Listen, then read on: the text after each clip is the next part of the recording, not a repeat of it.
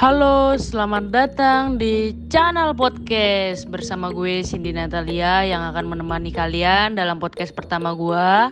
Perkenalkan, gue adalah salah seorang mahasiswi dari jurusan Ilmu Komunikasi Pelita Harapan.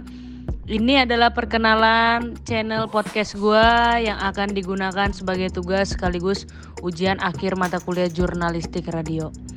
Pembahasan podcast ini akan mengarah kepada beberapa sudut pandang atau pendapat gua terhadap beberapa topik yang nanti akan gua bawakan. Mengapa gua lebih mengambil konsep podcasting daripada radio broadcasting? Jawabannya cukup simple.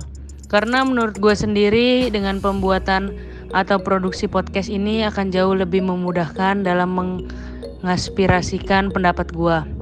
Pembuatan podcast sebenarnya lebih menguntungkan dari segi produksi.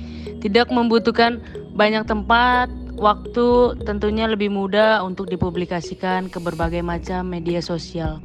Tentunya dengan menggunakan Anchor, Anchor FM, ini gue jadi lebih leluasa dalam mengakses banyak fitur yang ada. Sedangkan radio broadcasting jauh lebih berbeda dengan podcasting.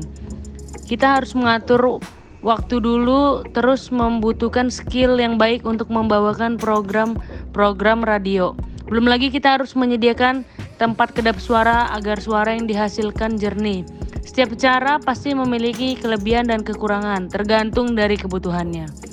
Baik itu podcasting ataupun radio broadcasting, kita juga harus kembali melihat tujuan apa.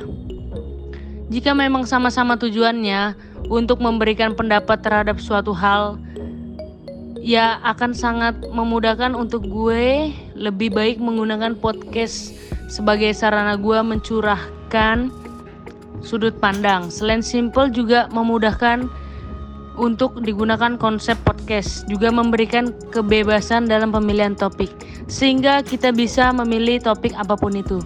Apalagi pandemi seperti ini kita juga tidak bisa untuk menyewa studio rekaman ataupun pergi keluar begitu saja. Terdapat beberapa protokol kesehatan yang perlu dipenuhi. Banyak sekali aktivitas yang harus terhenti dan mulai melakukan semua aktivitas dari dalam rumah. Dalam topik pembahasan kali ini, gue akan sedikit menyinggung tentang pandemi ini sebagai seorang mahasiswa ilmu komunikasi. Tentunya saya tidak bisa berdiam diri di rumah saja. Banyak sekali pertentangan yang harus saya hadapi. Tidak bisa berkumpul dengan teman, tidak bisa ke kampus. Masa pandemi ini seakan seperti kutukan dari alam. Seluruh aspek kehidupan mulai dari ekonomi, pendidikan, hingga politik juga terkena dampaknya.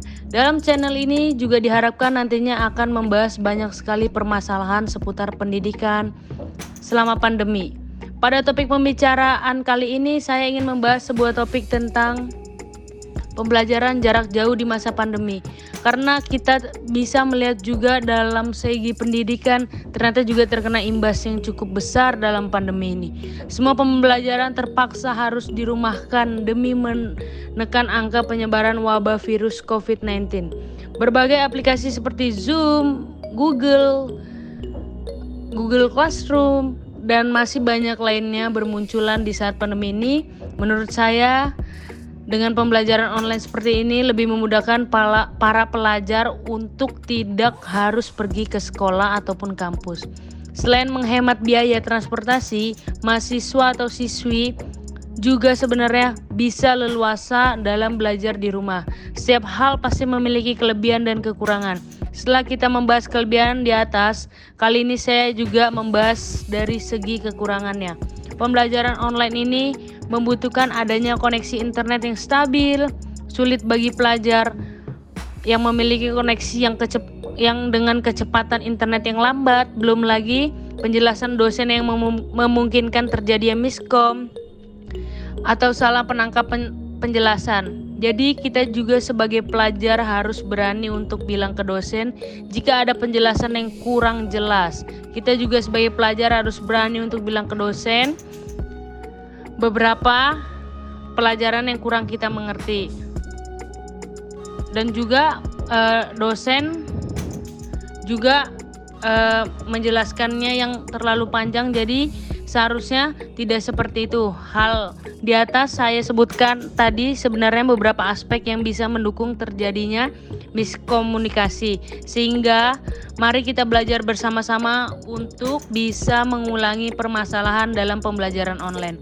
Terima kasih telah mendengarkan podcast kali ini. Sampai kita bertemu di podcast selanjutnya yang akan kemungkinan besar membahas tentang kualitas pembelajaran dalam penggunaan media daring.